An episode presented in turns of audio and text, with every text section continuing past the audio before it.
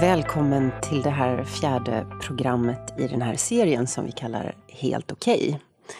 Och som handlar om psykisk hälsa eller ohälsa bland ungdomar eller unga vuxna som alltså är 20 till 30-årsåldern ungefär. Jag heter Mia-Marie Hammarlin och har arbetat som radiojournalist men forskar idag och har också forskat om just psykisk ohälsa, eh, mer bestämt om utbrändhet. I det här poddavsnittet ska vi försöka finna svar på varför unga mår dåligt idag och hur man kan hjälpa unga som mår dåligt.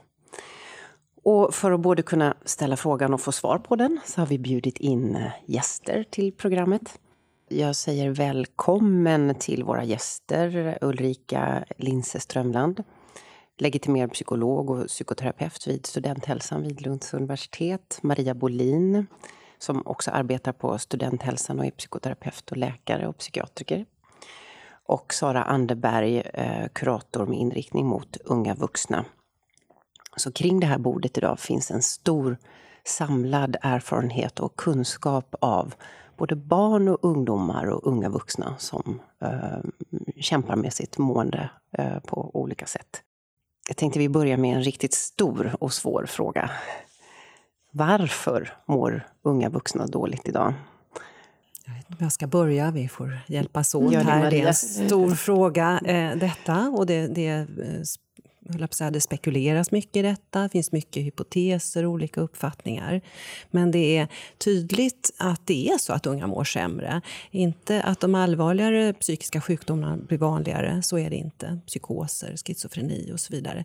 Men eh, lätta och måttliga besvär med ångest och depressioner blir vanligare. Det, det, det är man rätt så överens om. Och det finns säkert många olika orsaker och vi har en bra stund att gå igenom olika aspekter av det här. Men det är en komplex värld att vara ung i. Det finns mycket krav och förväntningar. Det finns eh, en osäker framtid. Det finns stora förhoppningar och verkligheten ser inte alltid ut som man önskar. Individualism eh, kommer vi säkert att komma in mycket på också, vad det betyder. Krav på att vara framgångsrik på olika livets, livets olika områden. Lite kortfattat så. Eh. Sen tänker jag utifrån den erfarenheten som vi har på Unga vuxna-mottagningen här i Lund ehm, att, att vara just ung vuxen ställer specifika krav på oss. För vi har inte riktigt en erfarenhetsbas som vi förlitar oss på som vuxna senare längre fram. Utan eh, när vi möter svåra, svårigheter har vi inte ett stöd runt omkring oss. Eh, kanske av familj eller vänner som, som kan stötta upp, som vi kan prata med, som vi kan få råd och stöd av. Eh, så kan vi bli väldigt lämnade. Ehm, och just det stigmat som har funnits kring psykisk ohälsa, eller det här med att det är lite fult att må dåligt, att man ska vara framgångsrik, man ska vara glad, man ska ha, vara lyckad och lycklig på något sätt ställer ju till det när man eh, kanske då inte vågar ta upp eller diskutera det som är det svåra i livet som också är fullständigt naturligt och en del av att vara människa. Mm.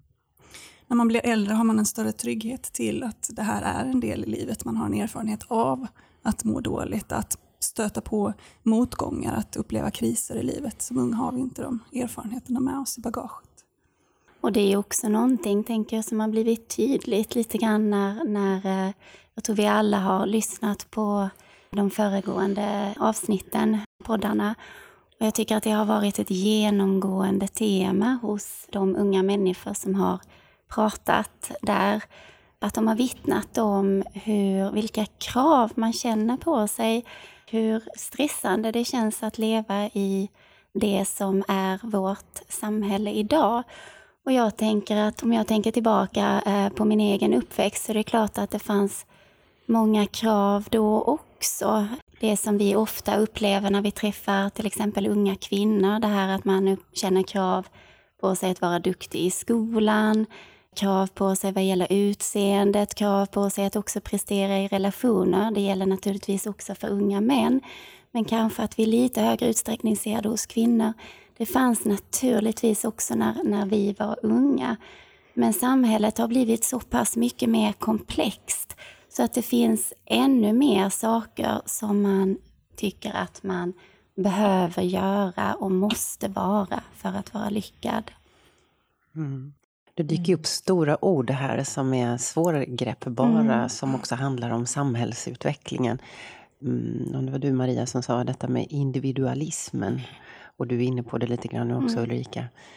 Um, vad gör det med de unga idag?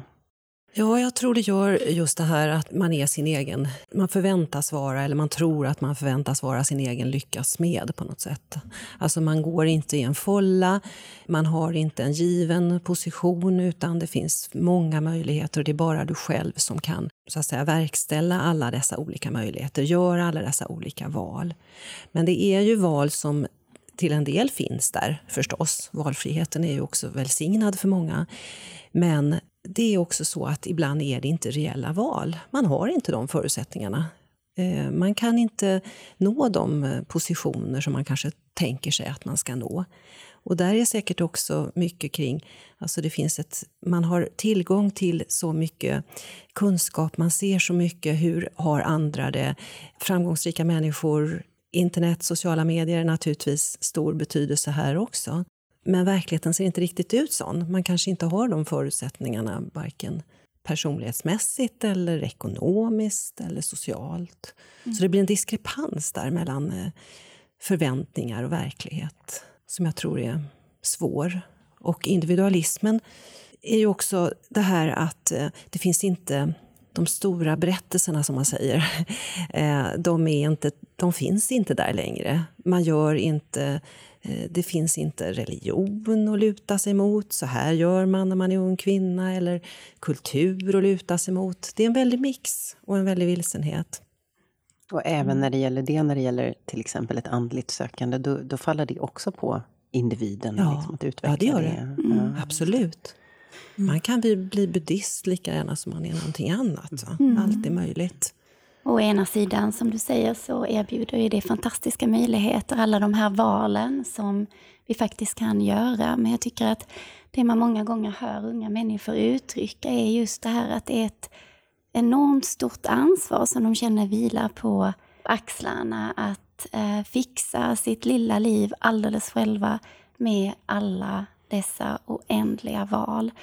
Och valen blir kanske ännu fler just med tanke på hur vi använder media idag. Men när vi är sociala mm. varelser, människan är en social varelse, så att vi jämför oss spontant och naturligt med andra. När i alla fall jag var ung så kunde jag jämföra mig med de 25 stycken som gick i min klass. Och nu är möjligheterna till jämförelser så många, många, många fler. Mm. Du kan jämföra dig med jämnåriga eller unga över hela världen i princip. Och antal val blir ju därefter. Mm. Det skapar stress. Det blir också väldigt tydligt för vissa vad man inte har i livet och vad man tänker att man borde ha i livet. Varför har inte jag det så här? Varför är inte jag så här lyckad eller så där glad? Eller varför har inte jag så många bra kompisar och har det så roligt varje kväll? Och man glömmer att begränsningen med sociala medier och vad människor faktiskt lägger upp och vad vi väljer att presentera är väldigt långt ifrån vad verkligheten faktiskt är. Att även de människorna som bara ser glada ut och som bara ser ut att ha det så fantastiskt också är människor som står med utmaningar och svårigheter och ångest och, och ledsamhet och sorg de också.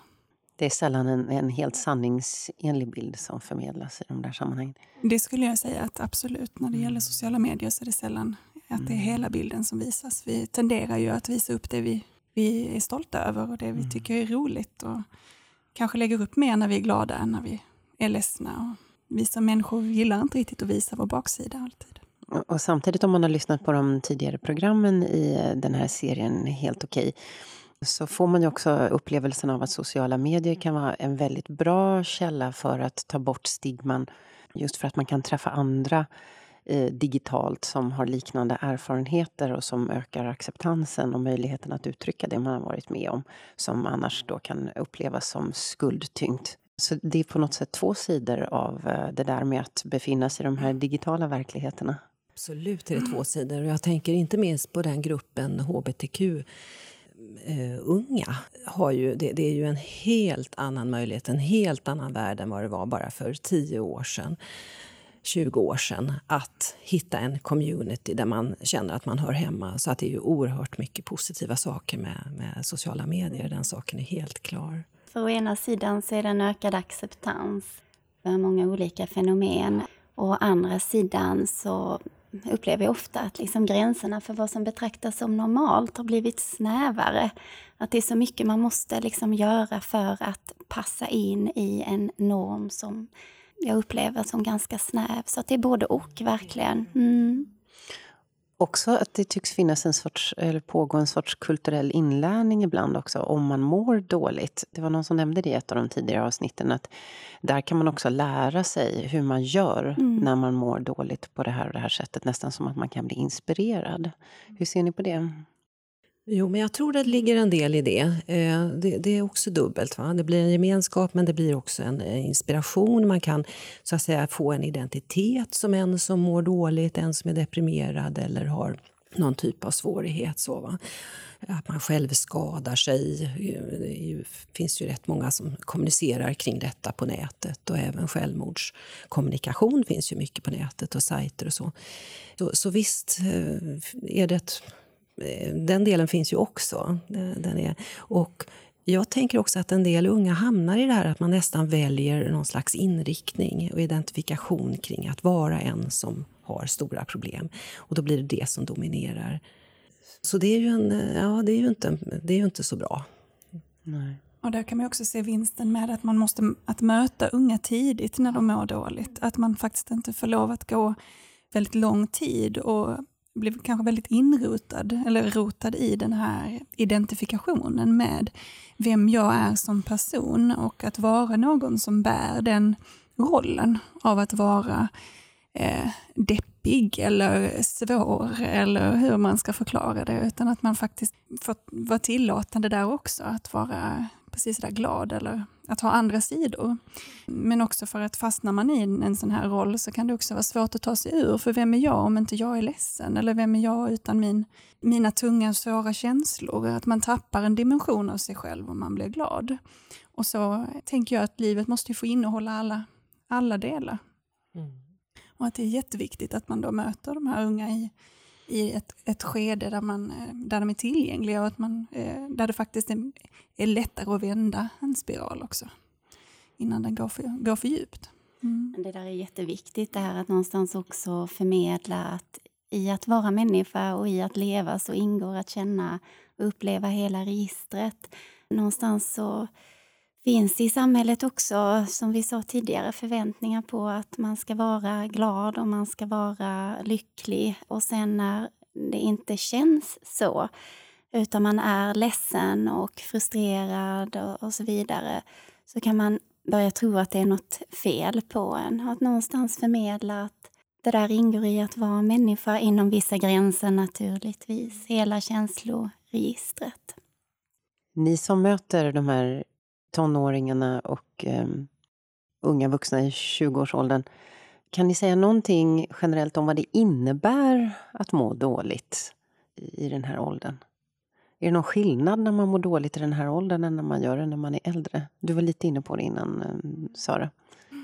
Ja, jag pratade just om, om att man saknar erfarenheterna av att man kan vara trygg av att jag mår dåligt just nu, men jag vet också att det här kan ta en vändning och att jag kan må bättre lite längre fram det kan ju vara väldigt svårt som ung att få det perspektivet, tidsperspektivet som är lite längre fram och att känna hopp och förtröstan om att och hitta även orsaker till varför man mår dåligt. Att det kan vara väldigt svårt att, att förstå signalerna i kroppen och det hänger också ihop med vilken erfarenhet man har av sig själv och sina upplevelser. Och det tänker jag eh, finns det ju väldigt många vuxna som också kan identifiera sig med och genom hela livet men att Eh, vi stöter på det väldigt mycket hos just gruppen unga vuxna som inte riktigt har den erfarenhetsbasen med sig. Mm. Ehm. Plus att man befinner sig i någon slags övergångsperiod mm. också mellan att vara barn och att bli vuxen på riktigt, så att mm. säga. Vilket eh, kan innebära liksom vilsenhet, ensamhet, man lämnar eh, någon form av ursprungsfamilj och ska liksom gå över till att leva ett mer självständigt liv men har kanske inte etablerat de trygga kontakter och det nätverk mm. som man gör med tiden och har därmed inte lika mycket att falla tillbaka på som man har när man är äldre vuxen förhoppningsvis. Och det gäller ju alla unga människor att det är mm, så, den här visst. fasen, livsfasen. Sen är det klart att om man har speciella eh, svårigheter, en speciell sårbarhet som eh, ju många av oss människor har. Och det kan ju handla om att man har en mer uttalade problem med eh, neuropsykiatriska svårigheter eller en bipolär sjukdom eller återkommande djupare depressioner. Det finns ju ett helt spektrum, ångestproblem mm, och så vidare. Har man dessutom en sån sårbarhet och så går man in i, i vuxenlivet i den här övergångsfasen så är det väldigt svårt. Och eh, därför är unga en alldeles speciellt utsatt och sårbar grupp som man måste satsa mycket på. Och, och det är ju också det här att och man har, för vi ska inte glömma att det finns också specifika problem och de måste identifieras. Man måste hitta de här svårigheterna helst så tidigt som möjligt. Unga eh, som har problem och som behöver särskild hjälp. Det pratar, kom ju fram också i något av de här programmen att de hade fått sina diagnoser väldigt sent, till exempel. Och det är ju inte bra. De hade behövt mycket, mycket mer under uppväxten. Vilket hängde ihop ja. med också att, att de kände att de inte fick hjälp. Precis, ja, de fick, precis ja. ja. Och det är ju det här att hålla det här perspektivet att dels kanske en tydlig uttalad psykisk problem av något slag och sen är man ändå en vanlig ung person som ska bli vuxen. Va? Och den kombinationen är ju, är ju en utmaning, mm. både för individerna och för oss som ska ta hand om dessa individer, unga människor. Så samtidigt som det är en, en vad ska jag säga, känslig övergångsperiod och att man kan ha sin sårbarhet som ung människa så är det också viktigt att lyfta fram att man ju är i den här åldern som ung vuxen är ehm, eller som ungdom och ung vuxen är fantastiskt förmögen till förändring. Mm. Dels är ju hjärnan ett mm. Eh, enormt plastiskt och förändringsbar del av, av, ehm, av vår kropp, så att säga det är därför jag tycker det är så roligt att jobba med den här ja. åldersgruppen, därför att unga människors potential och möjlighet till förändring oavsett hur liksom, stora svårigheter man egentligen eh, har eller har haft. Det, det, är helt fantastiskt att se verkligen. Och då får man känna sig lite duktig också kanske som behandlare därför att man just kan hjälpa till och ge en skjuts i rätt riktning. Men det är den unga människan som förmår eh, ta det här steget och hjälpa sig själv till förändring. Jag tycker det var ett viktigt ord som dök upp här. Mm. Att det, fakt det är roligt att jobba mm. med det ni, ni mm. jobbar med. Ja, det är mm. otroligt roligt. Eh, verkligen. Att vara med på den här resan mm. som man är. Och du säger det här med, med uh, unga har rent fysiologiskt, eh, anatomiskt, så har man ju en hjärna som mognar upp till man är 25-26 år. Och eh, förvisso sen också, men det är ju en väldigt tydlig utveckling och fortsatt mognad. Så det finns ju väldigt potential, väldiga möjligheter. Mm. Och det måste tas tillvara, dessa mm. resurser som unga har. Mm. Och det är väldigt hoppingivande ja, att jobba med Mycket. den här gruppen. Om den som lyssnar mår dåligt nu så är det också ett viktigt budskap. Eller mm. hur? Ja, att, absolut. Det är hoppingivande. Här finns absolut. alla mm. möjligheter verkligen ja. i världen att äh, ändra riktning. Liksom, mm. att, att börja må bättre. Och vi har det ju fantastiskt här i Sverige på det sättet att det finns väldigt mycket möjligheter att få hjälp och stöd. Vi har väldigt många vägar att gå. Det största klivet är ju faktiskt att ta steget in och be och säga att jag behöver stöd för det. För jag mår inte bra eller jag har de här svårigheterna som jag inte kommer förbi själv. Eh, men vi har ju otroliga möjligheter att kunna hjälpa till. Mm. Och samtidigt så upplever många unga som har sökt mm. hjälp att de inte har blivit tagna på allvar. Och det är ju mm. många av dem som man träffar som, även om de kommit i kontakt med vårdgivare av olika slag, känner att nej, jag blev inte tagen på allvar, de förstod inte mm. mina problem. Och då gör man kanske ett försök och sen gör man inte mer. Så den här mm. lyhördheten när man väl söker är ju otroligt viktig. Man fångar upp både det som man kan så att säga, se som en normal utvecklingskris och en livsfas och det som är tyngre problem. Då. Mm. Och, och, på tal om det Maria, kan du sätta lite fler ord på det? För det har jag funderat på. När övergår ett dåligt mående eh, från att vara normalt till att bli allvarligt? Ja, det finns ju inga skarpa gränser förstås, utan det är ett spektrum när det gäller måendet. Men när ett, eh, så att säga, en psykiskt illabefinnande på något sätt blir, hindrar en i ens funktion, hindrar en i att, att eh, fungera i arbete eller studier eller i relation till andra människor, att det blir ett stort, stort och påtagligt hinder. Då måste man ju titta djupare på det och också ha det här perspektivet att det, det kan också handla om mera specifika problem som måste tas om hand på ett särskilt sätt. Men det är ju så med alla tillstånd, om man pratar om ångestproblem eller um, depressioner eller neuropsykiatriska problem, alltså ADHD, ADD, att det är ett spektrum. Och det är väldigt eh, sammanhangsberoende hur mycket problemen får, eh, tar utrymme. Va? Om, om man ändå försöker bli lite konkretare, ja. kan ni ge några exempel på som typiska varningssignaler när man faktiskt bör vända sig till eh, er? Jag tänker till exempel om man tänker nedstämdhet och depression. Om man som ung individ har tankar på att man inte vill leva, då är det väldigt oroväckande. För det har, de flesta unga har inte det, utan det är en särskild, eh, särskild situation. Det är komplext varför har, man har kommit dit hen, men man måste söka hjälp. Och då måste man också som behandlare titta, finns det en ordentlig depression som behöver en särskild behandling? Eh, hur ser det ut? Så att självmordstankar, som ju många unga har, måste tas på stort allvar. Och naturligtvis, det finns andra tecken på att det här kan handla mer om en avgränsad sjukdom eller svårare tillstånd. Och det är det som gör att det måste finnas en, en bred kompetens bland unga, som, eh, bland de som träffar unga. Att man måste faktiskt också se. För en del unga har ju gått med obehandlade depressioner till exempel jättelänge eller man har haft en ADHD och ingen har förstått att det är det det handlar om. Eller en bipolär sjukdom som man kan få behandling för. Alla de här tillstånden kan man ju få hjälp med. Mm. Jag tänker också om man... Se allvaret är ju viktigt. Absolut. Mm. Om man börjar dra sig undan. Ja. Man börjar dra sig undan sociala Precis. kontakter till exempel. Man fungerar inte som man brukade fungera i skolan eller i arbetet eller i sina vänskaps eller familjerelationer. Det är också sånt här varningstecken. Mm.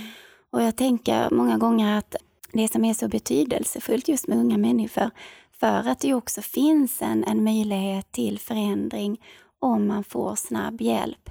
Det är just det här att det finns tillgång till snabb hjälp. För då kan man hjälpa på ganska få gånger egentligen. Eh, det behöver inte bli så väldigt långa kontakter med en professionell, utan lättillgänglighet, och snabbt bemötande av professionella är väldigt, väldigt viktigt. Så slipper man kanske, slipper problematiken kanske liksom byggas på och byggas upp till någonting ännu, ännu allvarligare. Absolut. Och just det här med den breda bilden tänker jag är jätteviktigt. För som jag pratade tidigare så har det ju stor betydelse om vad som händer i samhället och hur den unge blir påverkad av detta. Eh, och det finns biologiska markörer som kan vara att man har en sårbarhet för vissa saker, men det finns ju också stora miljömässiga faktorer till varför vi går vidare och mår, mår sämre ehm, eller utvecklar depressioner till exempel. Eh, så det blir viktigt att titta på alla dessa. Och som du också tog upp här innan Maria, att det är viktigt att ta unga på allvar och att de har en kunskap och är vad ska man säga, experterna på sina, sina känslor och sitt mående även om de inte har fullt samlad erfarenhet eller inte, har, inte är vuxna med den kapacitet som vi vuxna då besitter på något sätt. För att vi ska kunna hjälpa individen i det de faktiskt behöver hjälp med. Också ännu viktigare tänker jag, det här med tillgängligheten, att man faktiskt kan fånga en ung när de har en motivation till, orkar och, och vill eh, få hjälp. Mm. Och så mm. finns det ju fina mediciner idag som har utvecklats eh, under årens lopp också, som hjälper vid depression till exempel. Ja. Om man inte får den typen av hjälp då finns det risk, som jag förstår också av att ha lyssnat på de tidigare avsnitten, en risk att man självmedicinerar mm. med alkohol och, och droger. Mm. Är det någonting ni ser i er verksamhet? Absolut. Absolut. Ja, mm. mm. det är Definitivt. Väldigt vanligt. vanligt. Mm. Mm. Och då är det ju så att man självmedicinerar för att man mår dåligt. Eh, man söker lindring. Eh, men också naturligtvis att det blir ju en, en spiral sen att eh, droger och alkohol är ju så otroligt eh, stort, eh, gör att man mår dåligt. Man får ångest för att man dricker alkohol, man får utveckla depressioner för att hjärnan dränks i alkohol så ofta. Så det hänger ihop åt båda håll. Eh, och det är och därför så socialt man, accepterat? Ja, det, det, det är, ju det. det är ju Till och med förväntat. Alkohol är ju väldigt, det ser vi ju väldigt mycket i studentvärlden till exempel. Mm, hur, hur romantiserat det är kring alkohol. Mm. Ja, då blir själva beroendet ett eget problem ju. Fast mm. man kanske tog till drogerna och alkoholen för att lindra sin ångest eller sin nedstämdhet från första början så blir det ett mm. eget problem sedan. Så har man dubbelt upp så att säga. Mm. mm. Och även faktorn av att eh, när man mår dåligt, som, som du sa Maria, så först, kan alkohol och droger förstärka att man mår dåligt. Så även om man inte har ett beroende eller en vad man tänker ett jätteskadligt massivt bruk av alkohol så kan det vara nytta om man inte mår bra att faktiskt inte dricka för att inte förvärra sina symptom, att inte få ökad ångest eller att må ännu sämre. Eh, mm. Men vi tänker inte så ofta utan man tänker att nu ska jag få lättnad, nu ska jag gå ut och festa med mina kompisar, nu ska jag slippa det här för kvällen och så. Men så slår det tillbaka istället dagen efter och det hänger i sig. Mm. Vi kan slå fast att det är aldrig en lösning. Mm. Nej, Väldigt, väldigt kortsiktig, ja. men inga långsiktiga lösningar. Och det finns många kortsiktiga lösningar överhuvudtaget. Att skära sig är också en kortsiktig lösning. Ett mönster som man måste få hjälp att bryta eller när man använder mat för att mm. lindra, lindra ångest. Eller sexualitet använder ju en hel del på ett destruktivt sätt. Och då är det en kortsiktig lindring på något sätt. Kroppsligt kan det också fungera så med belöningssystemet. Men det slår tillbaka. Så det är ju mm. någonting som alla de här beteendeproblemen, så att säga, man måste också mm. få hjälp med dem väldigt konkret. Och jag tror att det är viktigt, till exempel det här med att skära sig. Det är ju väldigt många unga som gör det och en del gör ju det och rispar sig. Och, men man ska ta det på stort allvar också, även om det inte är kanske något självmordsbudskap i det. Men, men det är en destruktivitet som inte är eh, som signalerar att här, jag mår inte bra. Mm. Unga som mår bra skär sig inte. Så mm. är det. Du sa något viktigt här, eh, Maria. Det är möjligt att sluta Absolut. med det här beteendet. Ja, ja. Det finns bra hjälp, bra metoder och, och man vet rätt mycket om vad som är, är verksamt mm. för att, att bryta ett sånt mönster. Jag tänker att det finns ju andra saker också som kommer när man eh, mår sämre som är vanligt, just det här undvikandet. Att vi ja. fastnar hemma, att vi tittar mycket på TV, vi sitter och spelar mycket på våra datorer. Att vi isolerar oss på det sättet. Och det kan också bli väldigt problematiskt, men är också väldigt vanligt när vi mår sämre. Eh, men det som är jämställt, eller det som hänger ihop, är just det här att vi undviker, vi vågar inte, orkar inte vara i det som känns jobbigt det kan ju också vara någonting, vi pratar om det här när, när märker man att man börjar må för dåligt. Det kan ju också vara en sån sak som vi hör mycket föräldrar som ringer och säger att ja, men mitt barn sitter bara hemma eller jag får inte ut dem och de tittar bara på tv eller spelar bara dataspel. Och det är ett mm. ganska nytt område det här med att, att titta på hur unga använder media eller hur vi människor använder media överhuvudtaget.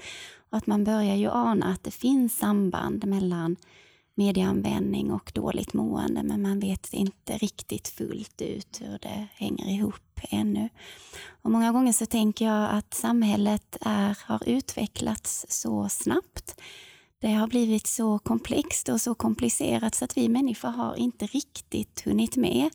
Vi har inte riktigt hunnit skaffa oss de redskap och de verktyg som vi behöver för att hantera en så pass komplicerad tillvaro och det gör ju också, tänker jag, att det känns lite hoppfullt. Därför att om, man, om en ung människa idag kanske använder droger, alkohol, eh, spelande eller skär sig för att hantera att saker och ting känns för jobbigt så finns det ju igen då möjlighet att lära nytt mm. för att hantera en komplicerad tillvaro och ett dåligt mående.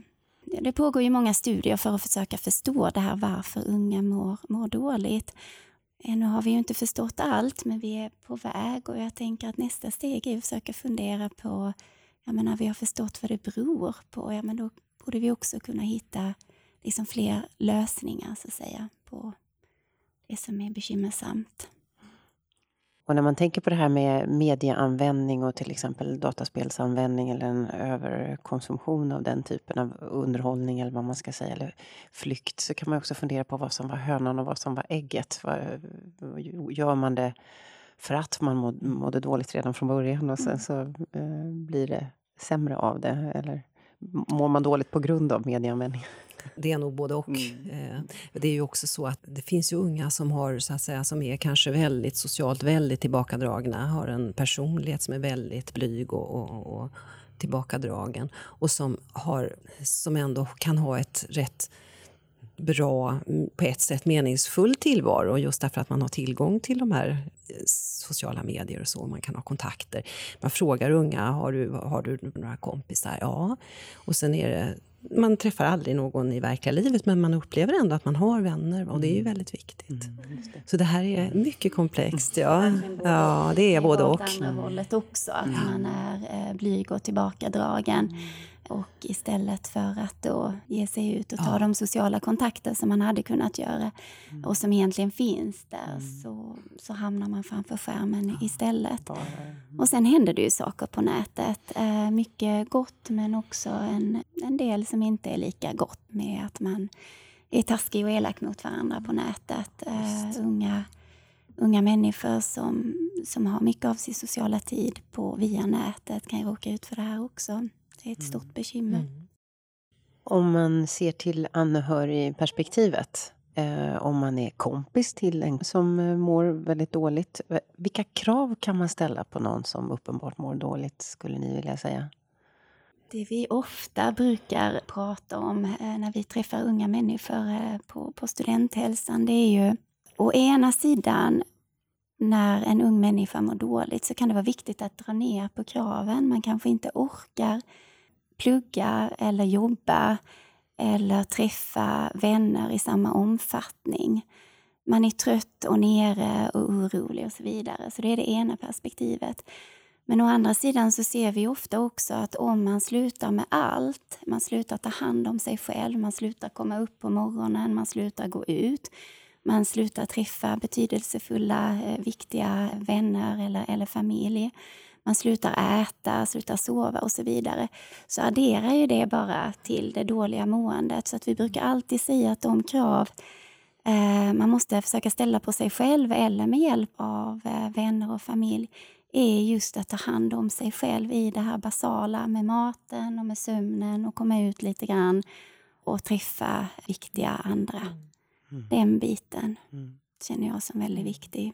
Det absolut det är ju väldigt svårt att vara den som står vid sidan om. Att se någon annan må dåligt. Man kan känna sig väldigt hjälplös och handlingsfattig. Eh, för att man tänker att vad jag än gör så blir det fel.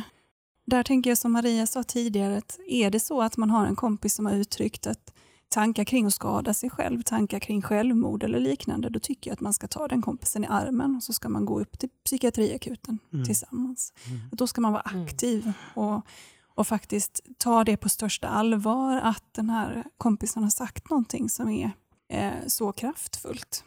Och sen tänker jag att det är att vara medmänniska. Att sätta sig ner och faktiskt ställa frågor, att få lov och att palla med och höra saker som kanske är jobbiga eller att bara gå hem till en kompis och sitta med någon och tillåta, alltså vara tillåtande med att det, det inte alltid är lätt, att man får lov att må dåligt att det är en viktig aspekt av att vara en vän när man har en kompis som inte mår bra. Den basala att ta hand om, liksom, att, att värna för. Mm. Men kanske också om man har större oro att ställa de där jobbiga frågorna. Att säga, har du tankar kring att ta ditt eget liv? Har du tänkt på det? Och om man får ett svar som man då helst inte vill höra så tycker jag att man då, då så kan man ta sin kompis under armen. Och det är ju detsamma som när vi pratar med mycket föräldrar som blir väldigt viktigt. Att man måste ställa den där jobbiga frågan till sitt barn, även om svaret blir någonting man verkligen inte vill höra. Mm. För då har man en möjlighet att påverka, man har en möjlighet att, att ge akut hjälp som man kanske annars hade missat. Och det, är inte, det uppmuntrar inte på något sätt till självmord att ställa den här typen av frågor, utan de är bara jätteviktiga att ställa. Och det är ju eh, många unga som, eh, som eh, eh, berättar att de berättar inte hur de mår därför att de vill inte belasta sina föräldrar till exempel, eller de vill inte vara jobbiga för sina kompisar. Och därför är det ju väldigt viktigt att man har koll på varandra. Och jag tänker också det här att unga som mår dåligt söker sig ofta till andra unga som mår dåligt, som har problem av olika slag. Och då blir det någon slags, ja, i den gruppen kanske det är okej och helt naturligt att man mår så illa och man kommunicerar mycket kring detta. Men det är ju inte det. Alltså det, det blir också en, en, det är en gemenskap, men det, det blir också... Så det, det, är väldigt viktigt att omvärlden går in och jag ser att det här ser ju inte, det ser inte ut att må bra. Men man kan bli förvånad tycker jag över att en del unga kan beskriva hur de har mått dåligt väldigt länge. Och familjen har inte märkt så mycket. Och det är nog så att man döljer mycket men familjer har ibland också skygglappar och vill inte se, orkar inte se. Så är det nu just det där med var går gränsen mellan vad som är normalt. Ja, det är nog väldigt lätt hänt som förälder att man tänker ja det där är typiskt tonårs. Ja. Eh, låg eller eh, osäker på sig själv ja. eller något. Vem var inte det när man var tonåring? Ja. det kan vara svårt att urskilja föreställer jag mig. När, och dessutom då barnet inte vill eh, kommunicera det ja, öppet med föräldrarna. Ja, även om man kanske är där och ställer mm. frågor. Mm. Mm. Ja, det är svårt. Ja, det, är svårt. det är viktigare att fråga en gång för mycket mm. och att man faktiskt lite grann får lov att tränga sig på. Både om man är förälder eller kompis. Att man frågar, att man ringer, att man smsar. Mm. Även om man känner sig bortstött och eh, det känns som att man tränger sig på mm. så är det det man får göra i ett sånt läge helt enkelt. Mm. mm. Man ska inte vara rädd för det. Nej. Nej. Man ska vara rädd för motsatsen. Mm. Mm. Eh, vi har snuddat vid det bara, men jag undrar lite grann, eh, ni som har mött många då, i den här situationen. Är det någon skillnad på hur killar reagerar och hur tjejer agerar eller reagerar på sitt dåligt mående. Man kan ju säga på Unga vuxna till exempel så har vi ju övervägande tjejer som kommer till oss. Vi har väl 30, 35 procent killar kanske på ett ungefär som kommer och det är ändå ganska mycket jämfört med andra eh, mottagningar som eh, träffar just unga. Ganska många killar menar du? Ganska mycket killar har vi då och då är det ändå bara 35 procent av de som mm. kommer som är killar. Och där finns det väl eh, samhälleliga aspekter och kulturella aspekter, könsaspekter alltså som ligger i att tjejer på något sätt vi lär oss att, vi, att prata känslor är inte så farligt och att vi ska ta hjälp av varandra och att vi pratar med kompisar och, och liknande. Eh, Medan det inte riktigt finns på samma sätt i hur vi förväntar oss av en kille och vad vi förväntar oss att de ska vara. Sen ser man ju en uppluckring av detta, vilket jag tycker är väldigt trevligt, för det är tråkigt med så snäva könsroller som som säger att vi inte får, eh, att vi inte får lov som man att vara känslig eller bräcklig eller eh, liknande. Och för, för vi är alla människor, man ser liksom inte skillnaden där, vi har samma behov. Och killar söker oftast lite senare än vad tjejer gör så att de mår ibland också sämre än vad tjejer gör när de väl kommer. Generellt mönster tänker jag det här att på de flesta ställen som möter unga människor så är det fler unga kvinnor som söker än vad det är unga män som söker. Tjejer oftare tar hjälp av sina vänner än vad killar har för vana att göra. Men naturligtvis att det är precis lika möjligt, lika lätt eller lika svårt att hjälpa oavsett om det är mm.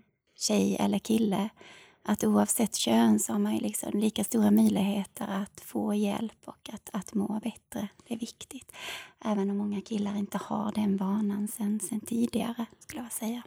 Och samtidigt betonade du innan, Maria, att det är så viktigt att man söker hjälp i tidigt skede, att det inte går för långt. Och, och här får man ju då känslan av att killar kanske väntar längre.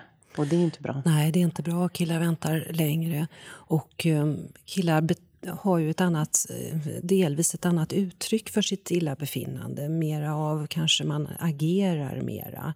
Men jag menar, man ser ju inom, inom social, unga som får hjälp inom socialtjänsten. Det mår ju väldigt många dåligt eh, av unga som finns på behandlingshem eller eh, HVB-hem och så, så är det ju väldigt många unga som har depressioner till exempel som man inte har. Men de har, det har varit deras beteende, deras eh, kanske asociala beteende som har, har uppmärksammats och inte måendet bakom. En annan grupp tänker jag som är, måste, man måste också lyfta det är ju ungdomar med invandrarbakgrund. För de söker inte så mycket som de borde, så att säga. Där är tröskeln ännu högre. Det, ja, det, det är kulturella skillnader där som är satt de, på ungdomsmottagningar och alla verksamheter för unga är, är ju unga med eh, annan med invandrarbakgrund underrepresenterade. Och där måste vi, tänker jag, där måste man hitta andra sätt att nå de unga. En del har ju med sig svåra upplevelser som kommer hit naturligtvis. Men också en, ja, ofta svårare social situation.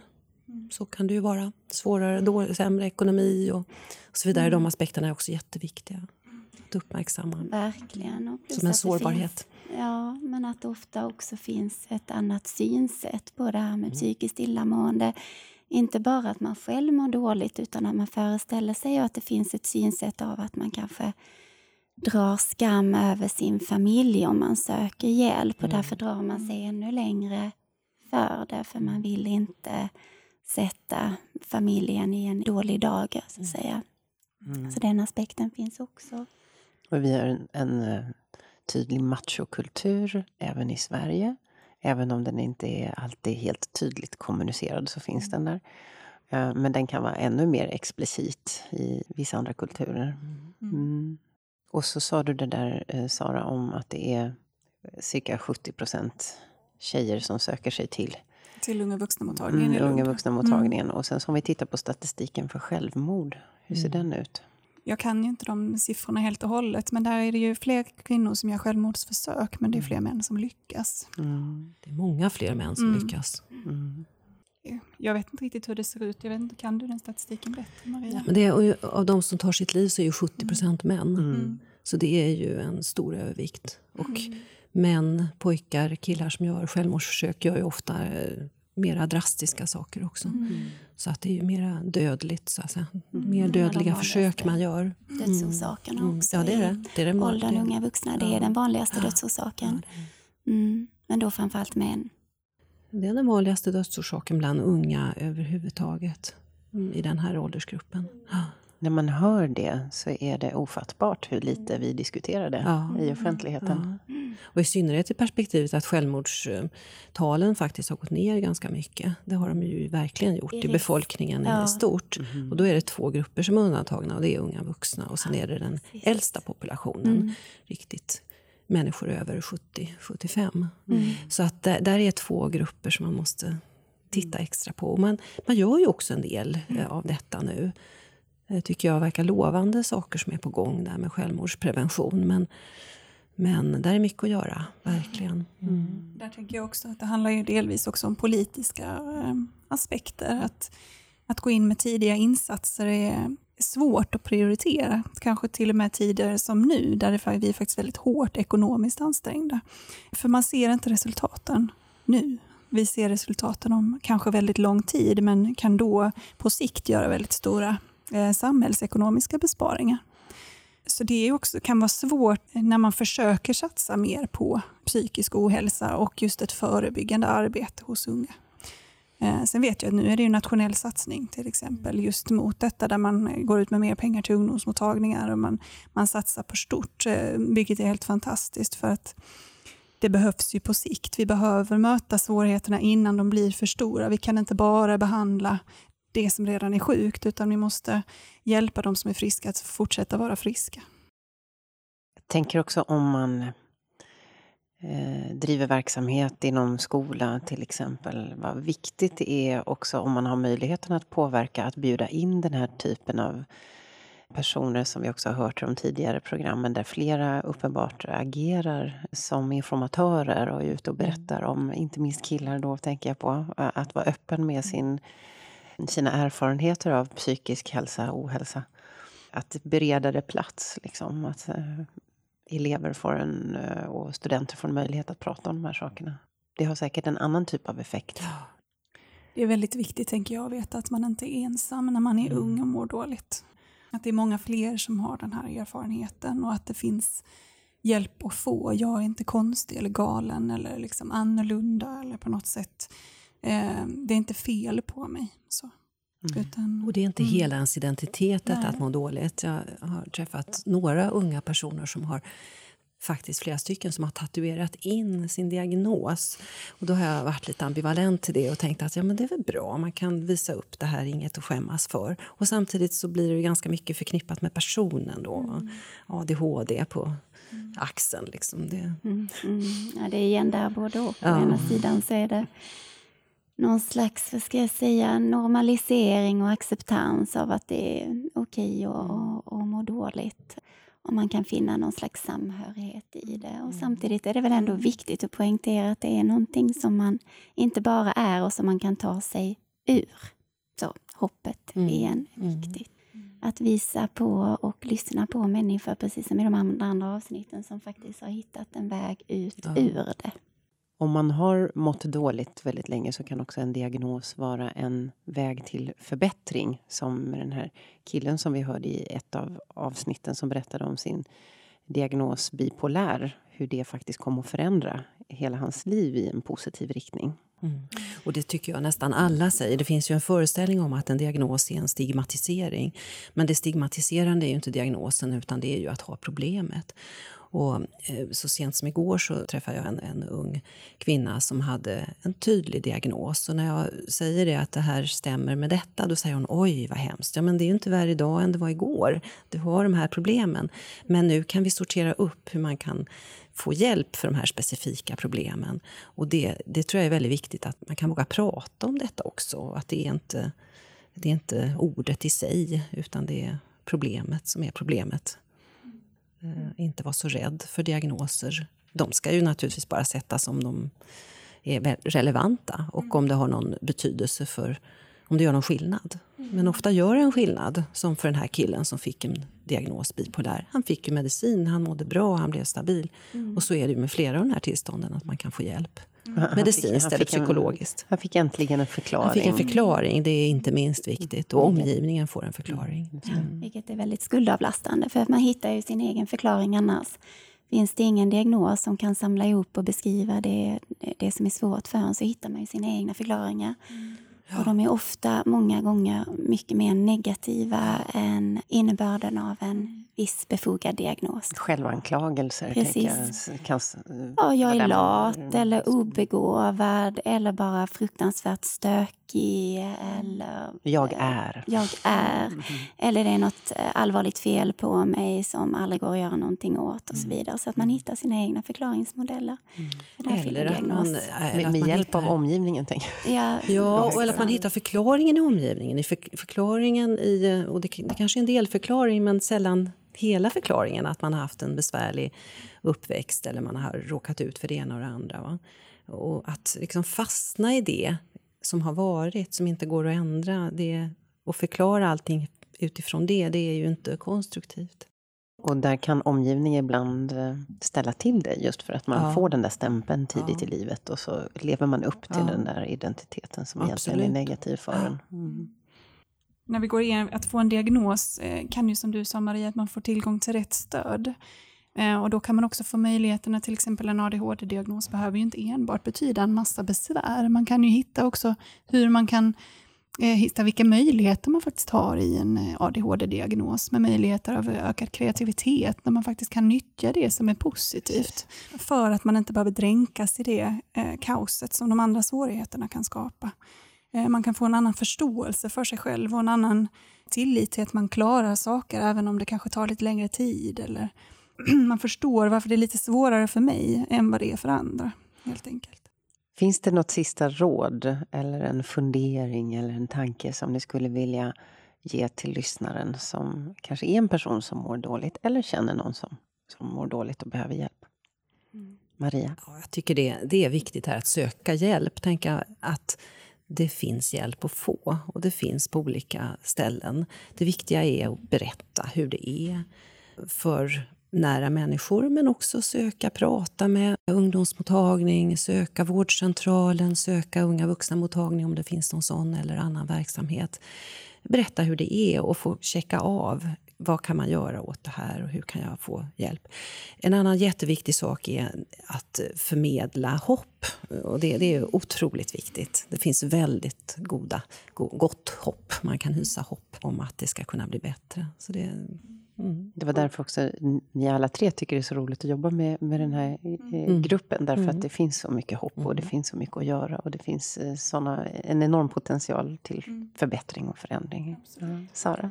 Jag tänker att det är väldigt viktigt att komma ihåg att man inte är ensam på sin position. Man sitter liksom inte ensam i båten av att må dåligt. Jag brukar ta ett exempel av att om man sätter en hatt på alla människor som antingen själva har mått dåligt, tänkt att de kanske skulle behöva sökt hjälp eller sökt hjälp och liksom gått runt på stan eller alternativt haft en kompis eller nära anhörig. Det är ingen som inte har haft en hatt på sig. Det är ju lite så. Det är ju det är normalt att ha perioder av, må dåligt, av att må dåligt och känner man att man inte hanterar det så ska man söka hjälp. Och, och inte skämmas för att eh, det är där man befinner sig i livet. Mm. Mm. Jag tänker att, att vi som riktigt vuxna, eller hur man nu vill beskriva oss, har en viktig eh, Eh, funktion att fylla där, det där med hoppet. Att någonstans förmedla att fast att, att det är komplicerat och svårt och stressande och kravfyllt att leva i den värld och den tid vi, vi lever så jo, vår jord är ändå en ganska okej plats att befinna sig på och i, tänker jag. Det är en sån sak. Och kanske också jag önskar många gånger att jag kunde förenkla tillvaron för unga människor. Eh, ge dem ett begränsat antal val och säga att nu, nu, får, du, nu får du välja mellan tre saker. Eh, inte alla de här andra. Men det kan man ju inte, för alla valen finns ju där. Utan då kanske istället säga att ja, men det är egentligen väldigt, väldigt få val som är livsavgörande. Mm. Och att det är val du fattar just nu på basis eller grundval av vad du vet just nu. Det är inte för evigt, det är inte livsavgörande och du har möjlighet att välja om och välja igen. Mm. Uh, lite grann med, med, mot bakgrund av vad vi började prata om. Liksom mm. Hur stressande och kravfyllt många unga människor upplever att, att tillvaron de lever i är idag. För det kan ju vara nästan överraskande när man själv är äldre. Jag är 43 när man hör, um, för det, jag har ju studenter också eh, som jag undervisar. Och hur en del är stressade för att de inte är färdiga med nästan allt i livet. Och inklusive då ha en partner och kanske ha förlovat sig. Och när de är 25 liksom. Allting ska ske på en gång på något vis. Mm. mm. Det är dags att avrunda det här avsnittet av den här poddserien Helt okej. Okay. Och jag vill tacka så hemskt mycket för kloka tankar och mycket kunskap och många bra resonemang och funderingar. Om du som har lyssnat på det här programmet har funderingar, tankar eller frågor eller känner att du själv behöver hjälp så ring 1177 eller vänd dig till närmaste vårdcentral så kan de guida dig vidare.